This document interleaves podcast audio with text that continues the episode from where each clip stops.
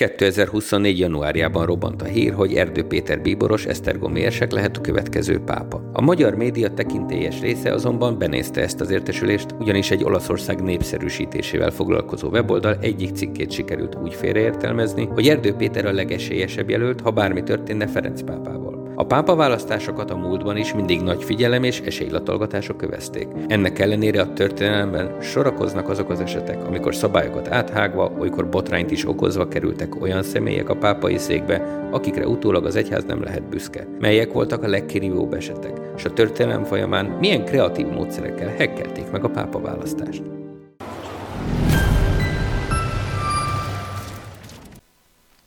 Köszöntök mindenkit a Rubikon Reflexió legújabb adásában. Én Antalfi Péter vagyok, és Varga Dániel kollégámmal arra teszünk megint kísérletet, hogy itt a podcast keretében reagáljunk valamilyen aktuális témára. Maga a Rubikon Reflexió is ugye azért jött létre, hogy vadonatúj kutatásokat, vagy esetleg a magyar médiát, internetet, nemzetközi hírportálokat bejárt érdekes jelenségeket lereagáljunk, kihasználjuk ezeket valamilyen történelmi háttér bemutatására. Itt a 2024-es év elején robbant a hír, úgy mondják, és több magyar portált is bejárt, hogy Erdő Péter Esztergomi érsekből esetleg pápa lehet, legalábbis egy olasz állítólagos szaklap szerint ő a legesélyesebb a következő pápai poszt betöltésére. Egyes, szak, egyes lapok szerint, e, a szakértők és a fogadérodák szerint is minden esélye megvan arra, hogy pápává válasszák. Persze esély van, és mi lennénk a legboldogabbak is, hogyha végre magyar ülhetne a pápai trónon. Viszont itt a történelmet is egy kicsit át kell néznünk, kihasználjuk ezt most, hogyan zajlik egyáltalán a pápa választás, ugyanis itt valójában az eredeti hír mögött egy félreértés és félreolvasás történt. Mielőtt a történelmi háttérbe belemennénk, és megnézzük, hogyan választanak egyáltalán pápát, és kik lehettek pápák, előtte Danit kérdezem meg, hogy hogy jött egyáltalán ez a hír. Tehát éljünk forrás kritikával jó történészként. Honnan jött ez a hír, hogy Erdő Péterből már most esetleg pápa lehet. Most a Telex hírportál jut róla, hogy mi is volt ennek a csúnya félreértésnek a háttere. Egyrészt a magyar sajtó egy része a szenzációt hozó Italy Start nevű médiatermékre mondta azt, hogy az egy vatikáni szaklap, azaz nyilván minden szavát érdemes komolyan venni. Ha megnézzük az oldal alcíme annyi, It's all about Italy, azaz mindent Olaszországról, nem pedig az, hogy It's all about Vatikán, azaz mindent Vatikánról, de mindegy is ez, mert ha tüzetesen megvizsgáljuk az oldalt, akkor kiderülhet, hogy nem igazán lehet ezt a lapot úgymond kimondottan szakújságnak nevezni. De talán ennél nagyobb aki volt az, hogy Erdő Péterről úgy írt ez az olasz lap eredetileg, mint az egyik lehetséges jelölt, nem pedig úgy, mint ő, le, ő a legesélyesebb. A lehetséges pápa jelöltek nevét nem esélyességi, hanem ABC sorrendben közölték, a magyar sajtó egy része azonban ezt teljesen félreértelmezte. De legyünk megértőbbek, jóval nagyobb furcsaságok és bakik is történtek már a múltban, ha pápa választásról van szó. Ezekre fogunk mindjárt kitérni. Azonban előtte fussuk le a kötelező kört. Kiből és hogy lesz pápa, és egyáltalán Péter, mi az a pápaság? Ez mondja a híres érettségítétel paródia, hogy vázolja a pápaság történetét egy egyes oldalban a kezdetektől a 20. századig, és térjen ki kulturális, politikai és társadalmi hatásaira is egyaránt. Mi ezzel fogunk most próbálkozni természetesen. Azt tudni kell a pápáról, hogy ez a görög pápá szóból ered, és kifejezetten a római püspökre kezdték használni, de annak idején, tehát a korak kereszténység idejében ez még nem kizárólagos cím. Tehát gyakorlatilag be kell érnünk a késő antikvitás végére, a korak középkorra, amikor egyértelműen már ez a római püspöknek a kizárólagos címe. A római püspöknek a fejlődés történetéhez tartozik hozzához, hogy egyre inkább bekerül a nagy egyházfők pátriárkák közé, majd maga mögé utasítja az 5. század után a, például az Alexandriait is, több keleti pátriárkát is. Tehát ahogy a, a nyugati egyház erősödik, úgy erősödik a római püspöknek is a, a szerepe, egyre inkább lesz informálisan, majd egyre inkább hivatalosan is kikérik majd a, a véleményét, hogy szóljon bele bizonyos egyházi egyház szervezeti ügyekbe. De hogy egyáltalán hogyan választják, ez egy folyamatosan változó dolog. Ma a pápa választó testületnek van egy olyan 240 tagja, tehát a bíborosok választják. Ez is változott a történelem folyamán. Tehát a középkorban egészen a 16. századig 50 körül volt a bíborosok száma, de a reneszánsz idején nő ez meg 70-re, és ez folyamatosan nő majd különböző intézkedésekkel a 20. századra, de ez az egész testület ritkán volt teljes. Tehát számos olyan pápa választásról tudunk, amikor nem ült és álltott az összes bíboros, aki ebben részt vehetett.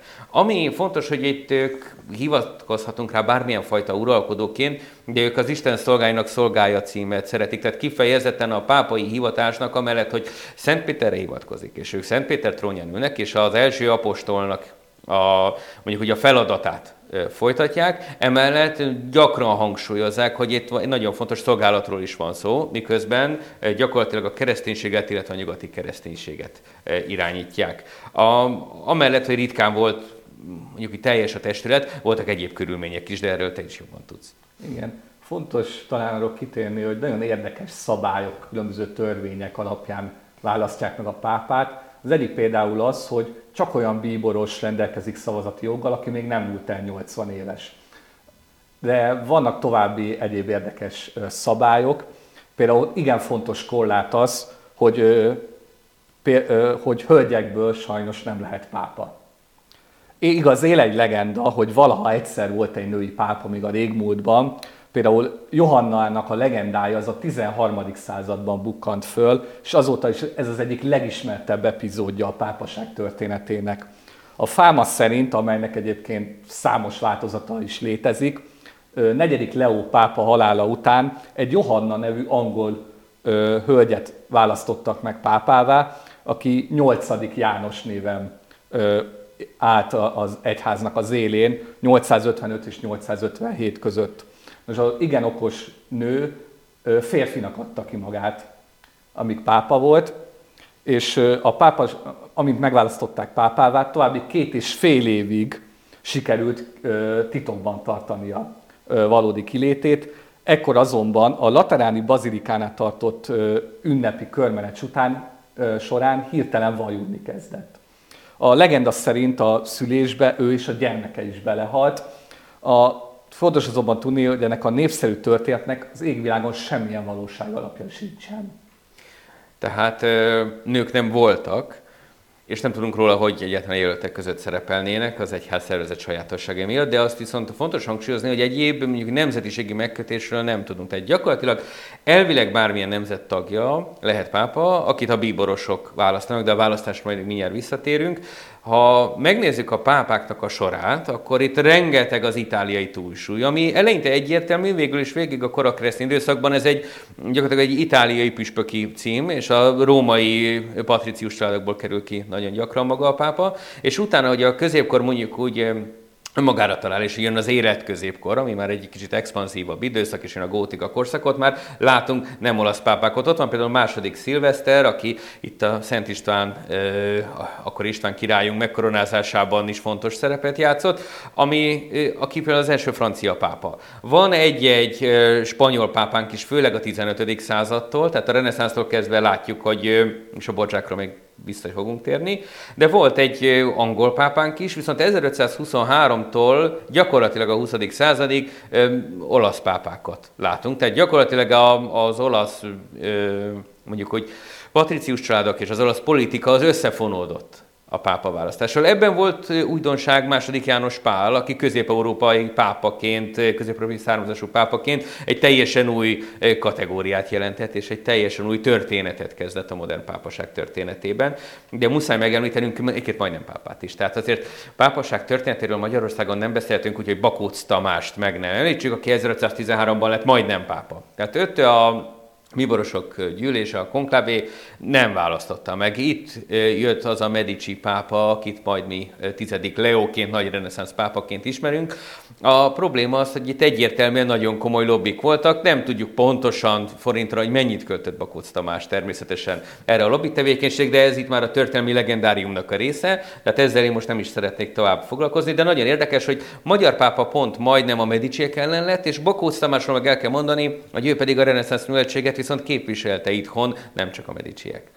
Igen, a pápa választás az egy eléggé bonyolult dolog, pedig folyamatosan próbálták szabályozni, hogy pontosan mi hogy történjen. Maga a pápa választásnak a menete az nagyon sokat változott a történelem folyamán. Rómának az első püspöke a hagyomány szerint Szent Péter apostol fejedelem volt, aki a Neróféle keresztényüldözés során szenvedett vértanú halált. 769-ben történt egy jelentős fordulópont a pápaválasztás történetében. Ekkor írták ugyanis elő, hogy a jövőben világiak nem vehetnek részt ezen az eseményen, továbbá csak klerikust választhatnak Szent Péter trónjára, azaz olyan embert, aki az egyházi rendnek a tagja. További szűkítés történt második Miklós idején, aki 1059-ben az In, Domine, In Nomine Domini kezdetű bullában írta elő, hogy innentől kezdve kizárólag bíborosok testületét illeti meg a pápa választás joga. A bíborosok, vagy más néven kardinálisok, a pápa legfőbb tanácsadói és munkatársai az egyházi kormányzásban. Igen, papíron, tehát így, így teljesül ideális esetben, de tényleg a történelem az a befolyásolási kísérletek története is. Tehát a történelmet sokféleképpen lehet írni, a, a politika és a befolyásolás és a pártoknak a története bármilyen történelmi szituációban valamilyen hasonló modell fölismerhető. Ez a pápa választás történetem is megfigyelhető. Tehát az elején tényleg a római patricius családok, az itáliai, mondjuk nemesi környezet, az beleszól a kora középkorban, de ha belegondolunk, már van egy nagyon korai esetünk, ez 366, amikor Damasus pápa e, kerül a trónra, aki ellen fellép egy e, Ursinus nevű diakónus, és gyakorlatilag Rómában e, utcai harcok törnek ki, amelyet a helyi hatóságoknak kell helyreállítani gyakorlatilag a társadalmi rendet. Tehát gyakorlatilag a jelölt választótáborok a negyedik századtól biztosan ütköznek egymással, hál' Istennek ritkán ilyen véresen, mint a negyedik századi esetben. Viszont ezek a külső erők, ezek mindig kötődhetnek és kötődhettek birodalmakhoz. Ha belegondolunk, hogy Itáliát a bizánci korszakban a bizánci birodalom egy ideig uralja. Tehát ez Justinianusnak a korszakától számítjuk, és egészen a 8. századig nagyon komoly befolyást, még hogyha területet veszt is Itáliában a bizánci birodalom, gyakorlatilag egy komoly befolyást jelent Bizánc az egész itáliai területen. 6.-7. században beleszólnak a pápa választásba, és ugye van egy-két görög pápánk is ebben a korai időszakban, és Zakariás az, aki 741-ben még bejelenti a bizánci császárnak, hogy én lettem a pápa, tehát még mondjuk, hogy megteszi ezt a kötelező kört. Később is látunk ilyen befolyásolásokat, tehát pont Szent István korszakát említettem, és a 10. században a az Ottók által vezetett német-római császárság, akkor ők ugye magukat római császárságnak érzik, azért ők is befolyásolják. Tehát nem véletlen, hogy a Szent Istvánnal egyidős római, német-római császárnak a, a nevelője és jó ismerőse lett az a szilveszter pápa, aki aztán itt szintén az ezer körüli magyar állam alapításban is részt vett. Tehát gyakorlatilag a császári címmel való viszony az a pápáknál végig a középkor folyamán nagyon fontos hogy bonyolítsuk a történetet, olyan is volt, hogy egyszerre több pápát választottak meg. Ez már a harmadik században előfordult, hogy a választók egyszerűen nem tudtak megegyezni a pápa személyében, és egyszerre akár két pápát is megválasztottak. A legsúlyosabb helyzet a 14. században alakult ki. Egyrészt Fülöp francia király 1309-ben a pápa székhelyét Rómából áthelyezte Avignonba, és ezzel kezdődött meg a 67-ig tartó úgynevezett avignoni fogság, mely időszak alatt csak is kizárólag francia pápát választottak meg. Aztán nagy nehezen visszatért a pápaság intézménye Rómába, hogy aztán 1378-tól Avignon újra fontos szerepbe kerüljön. Francia nyomásra egy ellenpápát választottak hetedik Kelemen személyében, aki megint csak Franciaországban rendezte be a székhelyét. Ezt a bonyolult helyzetet úgy próbálták megoldani 1409-ben, hogy a pizai zsinaton választottak egy pápát, azonban ezzel csak azt érték el, hogy már egyszerre három pápánk is volt. És ráadásul úgy, hogy a másik kettő pápa egyszer nem volt hajlandó lemondani a címéről.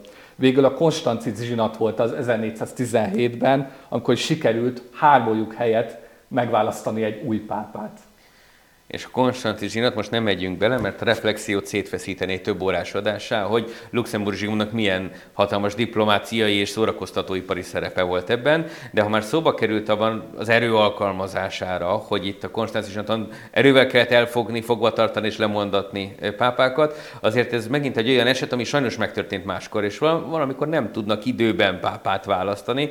Ugye a az egyik híres esetünk az 13. századi, tehát még a Konstanci zsinat előtt, amikor a negyedik Kelemen halál után nem bírt megegyezni, az akkor még 17 tagú ö, bíborosi testület, és gyakorlatilag ott volt ö, egy ilyen átmeneti időszak, gyakorlatilag 1005 napig nem volt pápa. Tehát ez egy, ez egy már mondjuk vannak ilyen válságperiódusok is. Viszont nagyon nehezen tudtak megegyezni akkor is, amikor összegyűltek. És elvileg erre van egy konkrét korabeli forrásunk is, amely szerint olyan sokáig nem tudtak megegyezni a pápa személyben, hogy bezárták őket, és addig kellett elzárva kenyéren és vizen élniük, amíg meg nem történt a választás.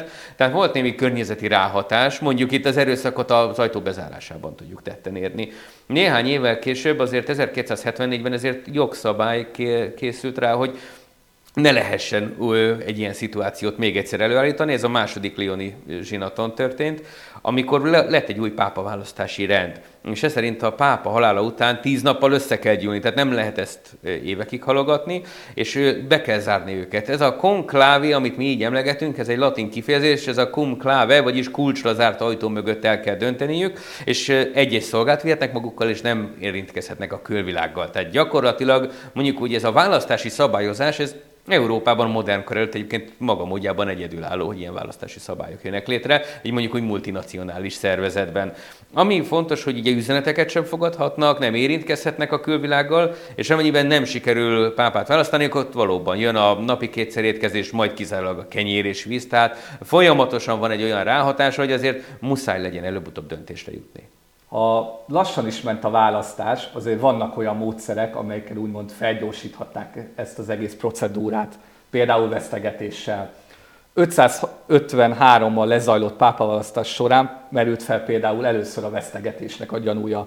Ekkor meg Curius, a későbbi második János anyagi javak átadásával igyekezett támogatói számának megnövelni, és törekvéseit végül siker koronázta a további visszaéléseket megelőzendő a város szenátusa szigorú büntetés terhe mellett tiltotta meg a hasonló választási procedúrát. Igaz, ezt később egyáltalán nem vették komolyan.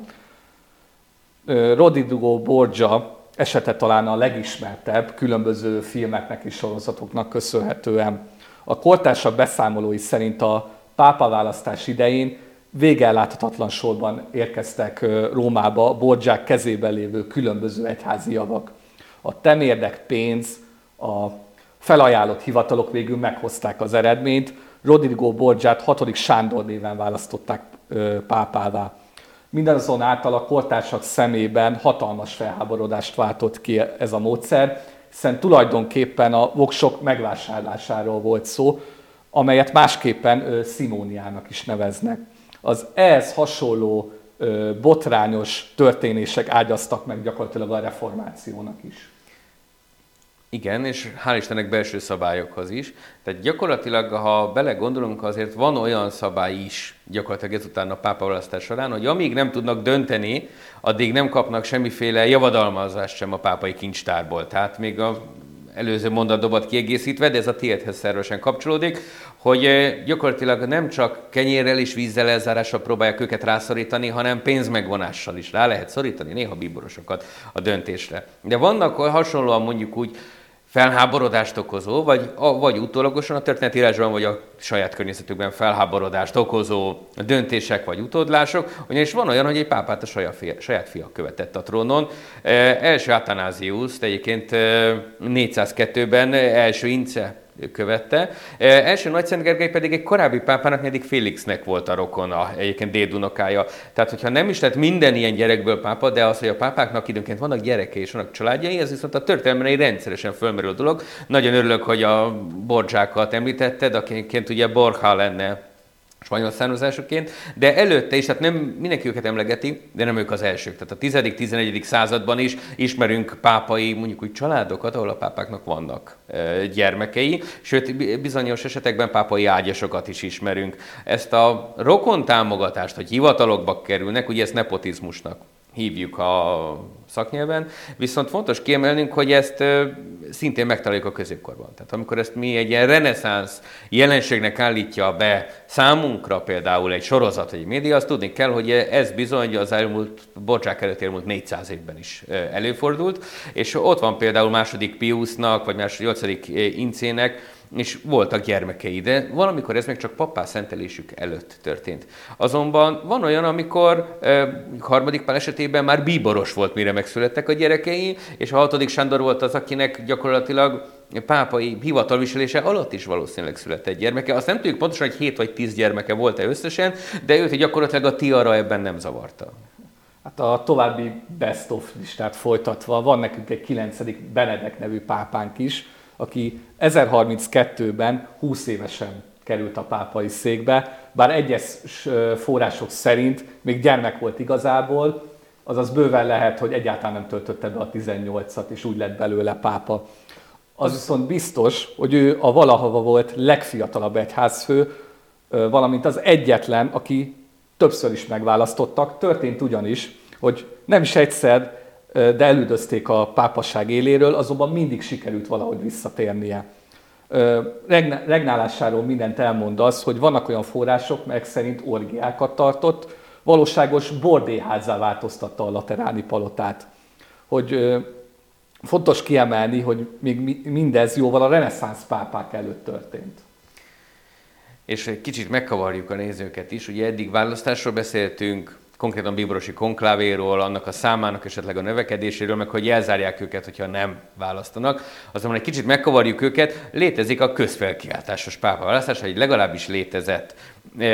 Elvileg történhet ilyen egyhangú közfelkiáltással, ez egy természetfölötti sugallatra, tehát inspirációra történhet, de eddig kettő ilyen esetet tudunk. Az egyik 1585-ös, tehát megint a reneszánsz időben megyünk vissza, amikor a legesélyesebbnek tartott pápa, az volt Alessandro Farnéze, a szavazás előtt felkiáltott, hogy van pápánk, hódoljunk előtte, és leborult a másik jelölt, Montalto bíboros előtt, és így lett belőle az ötödik Sixtus pápa, és a többiek pedig követték a példáját. Tehát ez gyakorlatilag egy mondjuk, hogy közönség és tömegpszichológiai aktus volt. A másik ilyen közfelkeltásos pápa választás, az viszont már a modern krimikig kell mennünk. Nem tudom, hogy a nézőink és olvasóink közül ki látta és olvasta a Dan Brownnak az Angyalok és Démonok című, hát mondjuk úgy vallásos tudományos krimi ponyváját.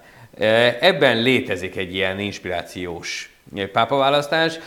Mondjuk, hogy a regény kérdéses történelmi hitelességű, tehát maradjunk azt, hogy ez inkább a harmadrangú fikció kategóriája. De hogy történhet-e ma ilyen, erről megint nem tájékozódott jól Dan Brown, akinek amúgy is több reflexióban cincálhatnánk szerint történelmi tévedéseit több regényében.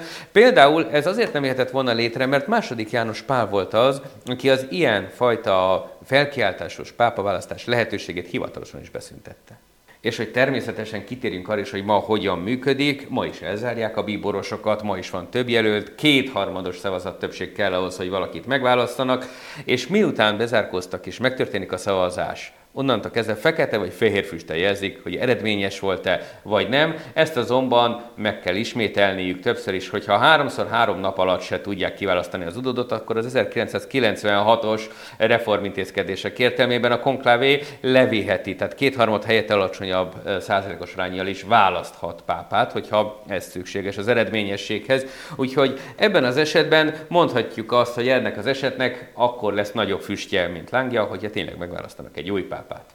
Reméljük segítettünk egy kicsit a kortás hírportálokat leuraló pontatlan hírek között az eligazodásban. A történelem mindenre jó, többek között azért is, hogy minket ne vágjanak át a hírportálok, legyen egy kis ilyen fajta háttérismeretünk. Legközelebb is egy hasonló aktuális témával fogunk jelentkezni, tartsanak velünk!